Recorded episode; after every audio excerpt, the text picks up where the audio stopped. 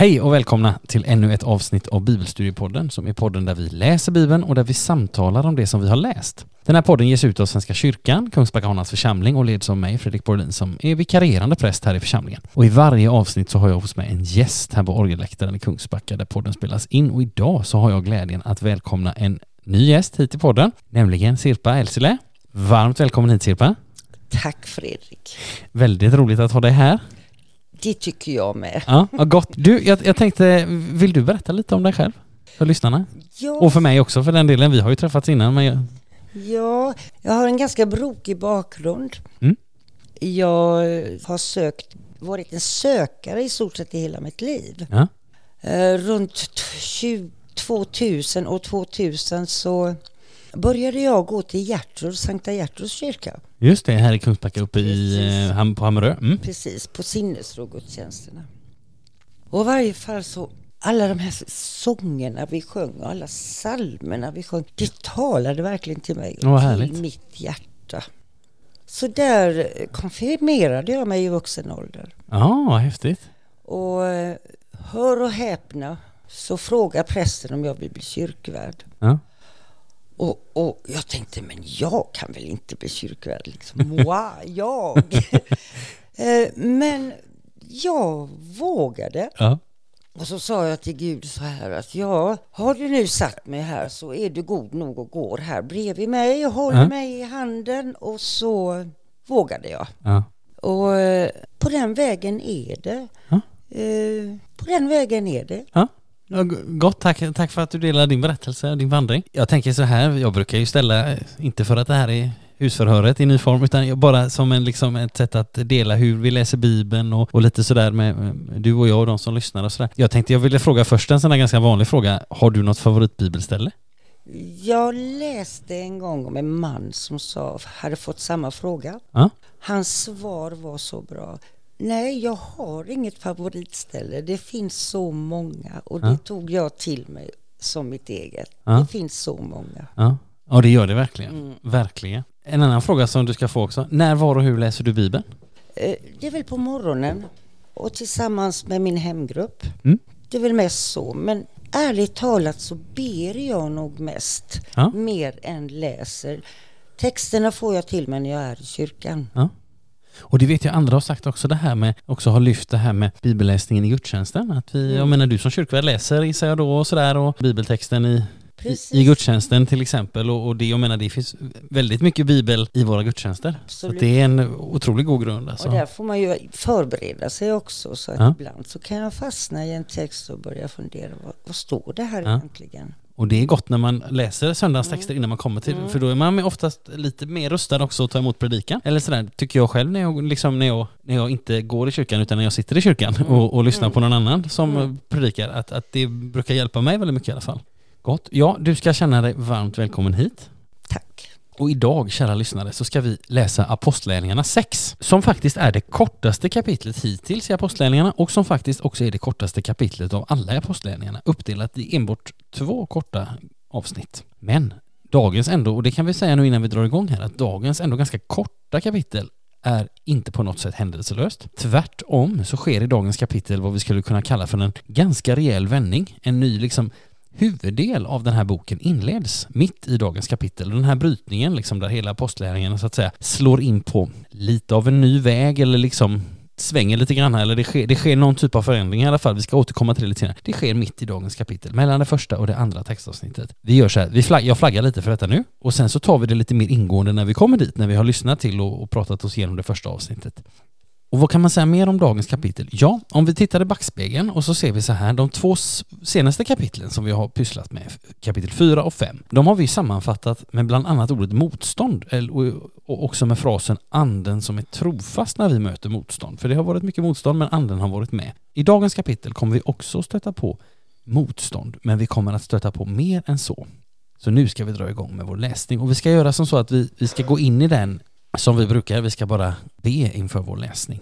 Be att honom som vi hoppas ska möta oss, be om det redan innan. Jag knäpper mina händer, du som lyssnar är varmt välkommen att göra det också. Ja, kära Herre, så ber vi dig att du öppnar ditt ord nu för våra hjärtan och våra hjärtan för ditt ord. Amen. Och dagens läsning är som vi redan har nämnt. Den är uppdelad i två avsnitt som i min bibel har fått överskrifterna det första, sju medhjälpare utses och det andra, Stefanos arresteras. Så vi ska göra så nu, det är Sirpa som kommer att läsa idag. Så vi gör så att vi börjar med att lyssna till när hon läser det första avsnittet som alltså heter Sju medhjälpare utses.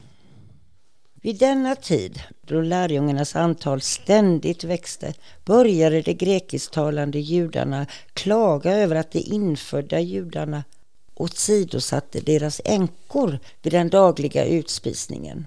De tolv kallade samman alla lärjungarna och sade det är inte riktigt att vi ska försumma Guds ord för att ordna med måltider. Nej, bröder, välj ut sju män bland er som har ett gott anseende och är fyllda av ande och vishet, så sätter vi dem till sådana uppgifter. Då kan vi själva ägna oss helt åt bön och åt ordets tjänst. Alla de församlade gillade förslaget och de valde Stefanos, en man fylld av tro och heligande. Filippos, Prochoros, Nikanor, Timon, Parmenas och Nikolaus, en proselyt från Antiochia, och förde den fram till apostlarna som bad en bön och la sina händer på dem. Guds ord vann spridning och antalet lärjungar i Jerusalem steg kraftigt. Även en stor mängd präster började omfatta tron. Tack så mycket Sirpa. Och nu förstår vi, det här är lite roligt, nu förstår vi att Guds ande är i sväng för nu kommer till och med prästerna till tro då, då, då, vet vi att Guds ande är, är närvarande och, mm. och, verksam. Det är gott att tänka på. Jag tycker det, jag tycker det är intressant här. Vi har, eh, vi har talat lite om detta i tidigare kapitel. Det här med att apostlärningarna är en, är en församlingsinstruktion. Eller här kan vi få liksom tips och insikter om hur en församling fungerar. Och här får vi väldigt sådär, eh, får vi en väldigt så handfast beskrivning av det, det här att ja, nu har det uppstått ett behov och då måste vi försöka fylla det behovet eller liksom fylla den där tomma platsen och så gör man det. Det är, ett, det är ett gott exempel. Jag tänkte att jag ville bara dela några tankar utifrån några saker här i, i texten med, med er lyssnare. Det första är det här med grekisktalande och infödda judar. Många utlandsfödda judar för judar bodde ju utspridda över hela medelhavsvärlden och över hela världen. Och många utlandsfödda judar hade flyttat till Jerusalem från olika håll. Du som har lyssnat eh, när vi har varit nu i, vandrat genom apostlärningarna, du minns kanske det här från kapitel 2 där det står så här, kapitel 2, vers 5. Eh, så står det så här, i Jerusalem bodde fromma judar från alla länder under himlen. Och så står det lite senare där i kapitel 2 när anden har kommit så står det så här, vi är parter, meder, elamiter, vi kommer från Mesopotamien, Judeen och Kappadokien, från Pontus och Asien, från Frygien och Pamfylien, från Egypten och trakten kring Kyrene i Libyen. Vi har kommit hit från Rom, både judar och proselyter, vi är kretensare och araber. Ändå hör vi dem tala på vårt eget språk om Guds stora gärningar. Alltså här fanns ju, och nu är vi lite begränsade här när vi liksom har ett ljudmedium, men om man tittar på en karta så märker man och sett en karta där Jerusalem är i mitten och så tänker man på alla de här platserna som jag nämnde, då är det faktiskt platser i alla väderstreck liksom från Jerusalem. Så det är verkligen eh, personer från alla håll. Och de hade flyttat till Jerusalem. Och det verkar ju så här, det förstår vi av texten och det som Sirpa läste, att alltså invandrade judar verkar inte ha varit lika högt ansedda som hebreisktalande eller Israelfödda judar på något sätt. Och vi kan också säga någonting om det sammanhanget, för det talas ju om den här dagliga utspisningen. Och det var också en del av den första kyrkan, det måste vi tänka på. Detta var också ett arbete som den heliga ande formade och manade människor till, alltså omsorgen om de utsatta och de fattiga. Och här talas det ju till exempel om, om änkorna. Och om vi, man kan tänka så här, alltså det här, för vi ska inte göra omsorgen om utsatta människor till, till någon slags 1900-tals eller 2000-tals idé i kyrkan, utan redan här finns det. när vi backar bandet ännu lite mer, nu är vi kapitel 6, men om vi backar bandet tillbaka till Apostlagärningarna 4, där står det ju så här, man delade ut åt var och en efter hans behov, alltså när den här gemenskapen i församlingen beskrivs. Alltså där, i kapitel 4, får vi alltså höra om ett synsätt. Vi får en, liksom en allmän beskrivning av hur man såg på människor och hur man hjälpte människor, nämligen åt var och en efter hans behov. Och så nu här i kapitel 6 så får vi höra om vad ska vi säga, ett praktiskt uttryck för det här synsättet när vi får läsa om den här dagliga utspisningen. Där det alltså också kunde bli problem och konflikter som det blir när människor kommer samman. Och den första församlingen gör ju någonting åt det här. Det vill säga den här utspisningen som man har, eh, där blir det problem på något sätt och då gör man någonting. Man bestämmer sig för att utse män bland er som har ett gott anseende och är fyllda av ande och vishet. Alltså, de orden tänker jag tala någonting om så ser så att säga kraven ut för de som skulle avdelas för att arbeta med de utsatta. Det påminner oss om det svåra och utmanande i den här typen av uppgifter som är så viktiga. Man kan ledas att tro att när man hör det som lärjungarna säger, det är inte riktigt att vi ska försumma Guds ord för att ordna med måltider. Och då kan man tänka sig att det finns någon, att det skulle finnas någon slags rangordning i detta, men det ser faktiskt inte jag när jag läser detta. Utan det är snarast så att snarare beskriver man ju hur viktigt det är att också de här personerna som arbetar med detta har ett gott anseende och är fyllda av ande och vishet. Så det är gott att tänka på att det är en, det är en stor uppgift att få betjäna andra människor. Så det är gott att tänka på.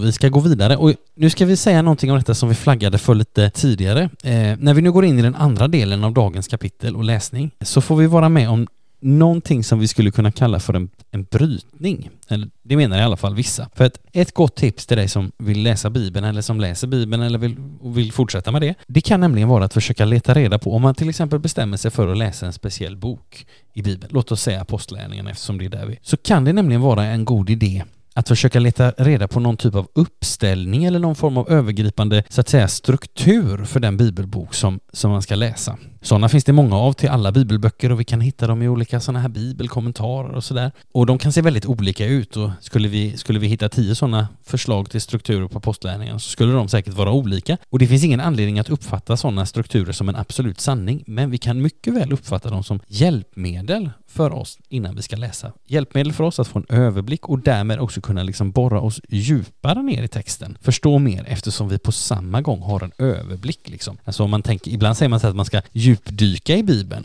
Och då kan man tänka att det här med olika, alltså försöka hitta en struktur eller försöka leta upp ett, ett förslag som någon annan har. Det är lite som att nu, nu tittar vi oss omkring uppe vid vattenytan här lite grann. Höger och vänster och rakt fram och så vänder vi oss om. Och sen dyker vi ner så vet vi lite vad som finns på ytan. Innan vi dyker ner så vet vi att det inte kommer några motorbåtar eller ja, vad, vad det nu kan vara. Nej men, men det kan ibland vara bra att guppa omkring lite på ytan och sen så liksom dyker vi ner. Och jag har hittat en sån här uppställning över strukturen i apostlärningarna som jag har hittat och det, det, blir svårt att återge den här bara för att återberätta den och jag tror inte att det är någon större poäng. Men den här uppställningen som jag har hittat, den menar så här att här mitt i kapitel 6 mellan vers 7 och vers 8 så går vi liksom in i en ny del av apostlärningarna.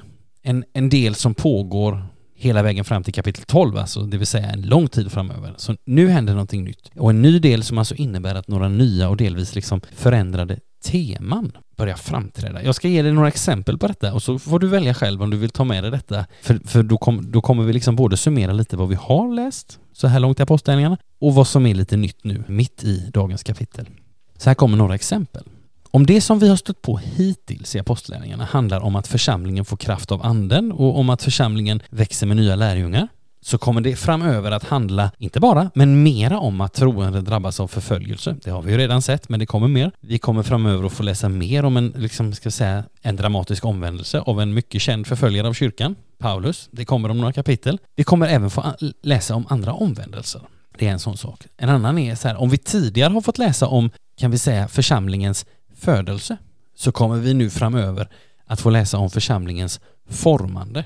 Om vi tidigare har fått läsa om evangeliet till judarna, vilket vi har gjort, så kommer vi nu framöver att få läsa om evangeliet till samarierna i större utsträckning. Om vi tidigare, så långt som vi har läst i apostlärningarna, har fått läsa om ett frimodigt vittnesbörd som ett liksom sätt att beskriva vad vi har varit med om, så kommer vi framöver att få läsa om ett hotat vittnesbörd. Om vi tidigare har fått läsa om en nyfunnen gemenskap så kommer vi nu framöver att få läsa om en vidgad gemenskap. Och det sista, om vi tidigare har fått läsa om det som händer i Jerusalem så kommer vi nu och framöver att få läsa om sådant som händer i Judeen och i Samarien. Sen är det givetvis så att brottet eller förändringen inte är så genomgripande eller liksom direkt att allt bara vänder på en enda vers. Men de här nya eller åtminstone delvis förändrade temana hjälper oss att sätta fingret på delvis nya perspektiv i den här bibelboken Sen kan vi fortfarande påminna oss om att ringarna på vattnet, det har vi ju nämnt innan några gånger, världen i apostlagärningarna som hela tiden blir större, det är ett sätt att tala om detta. Och vi kan också påminna oss om den här nyckelversen, nu kommer den igen, kapitel 1, vers 8, det står så här, men ni ska få kraft när den heliga ande kommer över er och ni ska vittna om mig i Jerusalem och i hela Judeen och Samarien och ända till jordens yttersta gräns. Apostlagärningarna är ju apostlarnas gärningar, men det är ännu mer den heliga andes gärningar genom apostlarna. Gott så det är det där liksom brottet eller den nya vägen, eller vad vi ska kalla det, som, som kommer lite grann. Men nu ska vi göra så att vi ska läsa det, lyssna till när Sirpa läser det andra och sista avsnittet av dagens kapitel. Stefanos var fylld av nåd och kraft och gjorde stora under och tecken bland folket. Då uppträdde några medlemmar i den synagoga som kallades de frigivnas. Dit hörde folk från Kyrene, Alexandria, Kilikien och Asien och började disputera med Stefanos. Men de kunde inte hävda sig mot visdomen och anden i det han sa. Därför skickade de fram några som skulle säga att de hört honom yttra sig hädiskt om Mose och Gud. Det hetsade upp folket och de äldste och de skriftlärda och sedan kom det och grep Stefanos och förde honom till rådet. Där fick falska vittnen träda fram och säga den här mannen angriper ständigt och jämt både denna heliga plats och lagen. Vi har hört honom säga att Jesus, han från Nasaret, skall förstöra denna plats och ändra på det seder och bruk som vi har från Mose. Alla som satt i rådet gav noga akt på Stefanos och tyckte då att hans ansikte var mer som en ängels. Tack så mycket Sirpa. Ja, några korta anmärkningar och en liten spaning här. Vi ska bara nämna någonting om de här, dels om de här platserna som nämns. Vi får ju höra om den här synagogan som kallades för de frigivnas och dit hörde då folk från Kyrene, det vill säga det är dagens Libyen i Nordafrika. Det är Alexandria, det är också Nordafrika, dagens och också dåtidens Egypten. Det är Kilikien och Asien som båda är, kan vi säga, romerska provinser eller områden som finns i dagens Turkiet.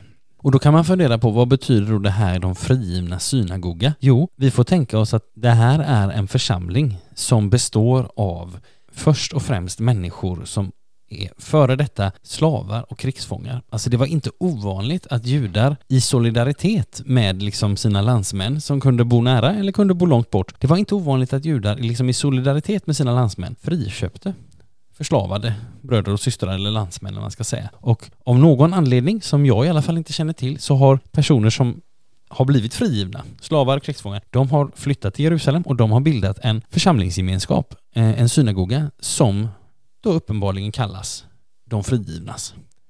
Och det är lite intressant här för vi, vi, vi, vi, förstår ju att de här frigivna, de är liksom de pådrivande här i, i motståndet mot Stefanos. Det är de som drar honom inför rätta, de börjar disputera med honom och sen så när de inte kan hävda sig så drar de honom inför, eller arresteras han och, och dras inför rätta och de är, vi får tänka att de är liksom drivande i detta. Och det här påminner oss, tänker jag, egentligen om två saker, det som händer här i texten. Alltså det, det, första är det här att om du var med och lyssnade till förra avsnittet så minns du att det fanns en person där som heter Gamaliel som var en framträdande medlem av det här rådet och som sa några ganska bevingade ord som vi faktiskt kan påminna oss om nu. Jag ska läsa härifrån kapitel 5. Jag kan faktiskt, han, det är några verser, men jag kan faktiskt läsa hela för han, han talar med ganska så här, vad ska vi säga, besinnande ord till rådet. Han säger så här, Israeliter, tänk er för innan ni gör något med de här männen, alltså det vill säga apostlarna då. Tänk er för innan ni gör något med de här männen. För inte så länge sedan uppträdde Tevdas och gav sig ut för att vara något och han fick säkert 400 anhängare. Men han dödades och hela skaran som hade följt honom upplöstes och försvann. Efter honom, medan skattskrivningen pågick, kom Judas från Galileen och lyckades dra med sig många människor. Men också han miste livet och hela skaran som hade följt honom skingrades. Därför säger jag er nu, lämna de här männen i fred och låt dem gå. Om detta är människors påfund och verk försvinner det av sig självt, men är det från Gud, då kan ni inte krossa dem. Det kan visa sig att ni kämpar mot Gud själv. Och sen så står det så här direkt efter. De följde hans råd. Det verkar som, alltså Gamaliel var en, får vi tänka oss, en tongivande och respekterad rådsmedlem och när han säger detta att låt dem vara, för det kommer att dö ut av sig själv, då får man tänka sig att ja, nej men folk tog honom på orden. Ändå så går det inte många verser och så får vi höra om att nu är det en annan grupp som har börjat liksom med sitt motstånd här och det hjälper, nu kommer vi till detta, det hjälper oss att se att det fanns ju olika grupperingar som hade olika syn på detta och även om vi kanske målade upp i förra avsnittet att Gamaliel var en tongivande person så var han uppenbarligen inte så tongivande att det inte fanns de som så att säga agerade på egen hand. Så det är det ena. Sen så kan man bara man kan bara när man läser vissa ord här eller vissa, när man hör vissa ord när Sirpa läste de här så kan vi bara notera likheten med det som Jesus har upplevt. Det vill säga, han arresteras. Det här som står om Stefanos att de kunde inte hävda sig mot hans visdom och anden i det han sa det är ju på ett sätt ett sätt att sammanfatta hur människor, hur liksom Jesu motståndare reagerar för de blir ofta svarslösa liksom. Och sen dyker det upp falska vittnen och det gör det också när Jesus står inför rådet och inför Pilatus. Och det påminner oss om någonting. Vi har sagt innan att till exempel Petrus har fått hela någon person och att det finns likhet med hur Jesus helade. Alltså där är en likhet som lärjungar har med Jesus.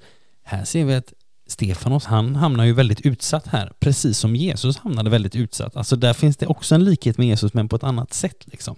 Och jag tänker att det, det kan vara gott att tänka på.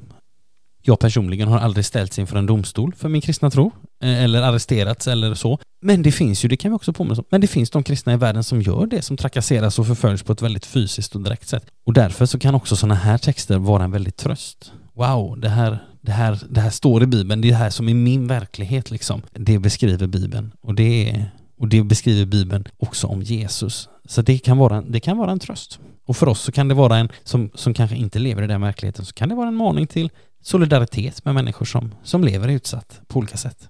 Gott. Några tankar alltså från detta mycket korta kapitel som vi har läst idag. Men ett kort kapitel där ändå en hel del har hänt och där vi har tagit en ny vändning. Jag är väldigt tacksam att du kom hit Sirpa och fanns med och läste. Mycket gott att få höra din röst här. Tack. Och till dig som har lyssnat, hoppas att du har fått med dig någonting. Välkommen att fortsätta på den här vandringen genom apostlärningarna. Vi har en lång bit kvar och det tycker jag känns gott. Både jag och Sirpa som eh, har suttit här, eh, vi önskar dig som har lyssnat allt gott. Tills vi hörs nästa gång och Guds rika välsignelse. Hej då! Hej då.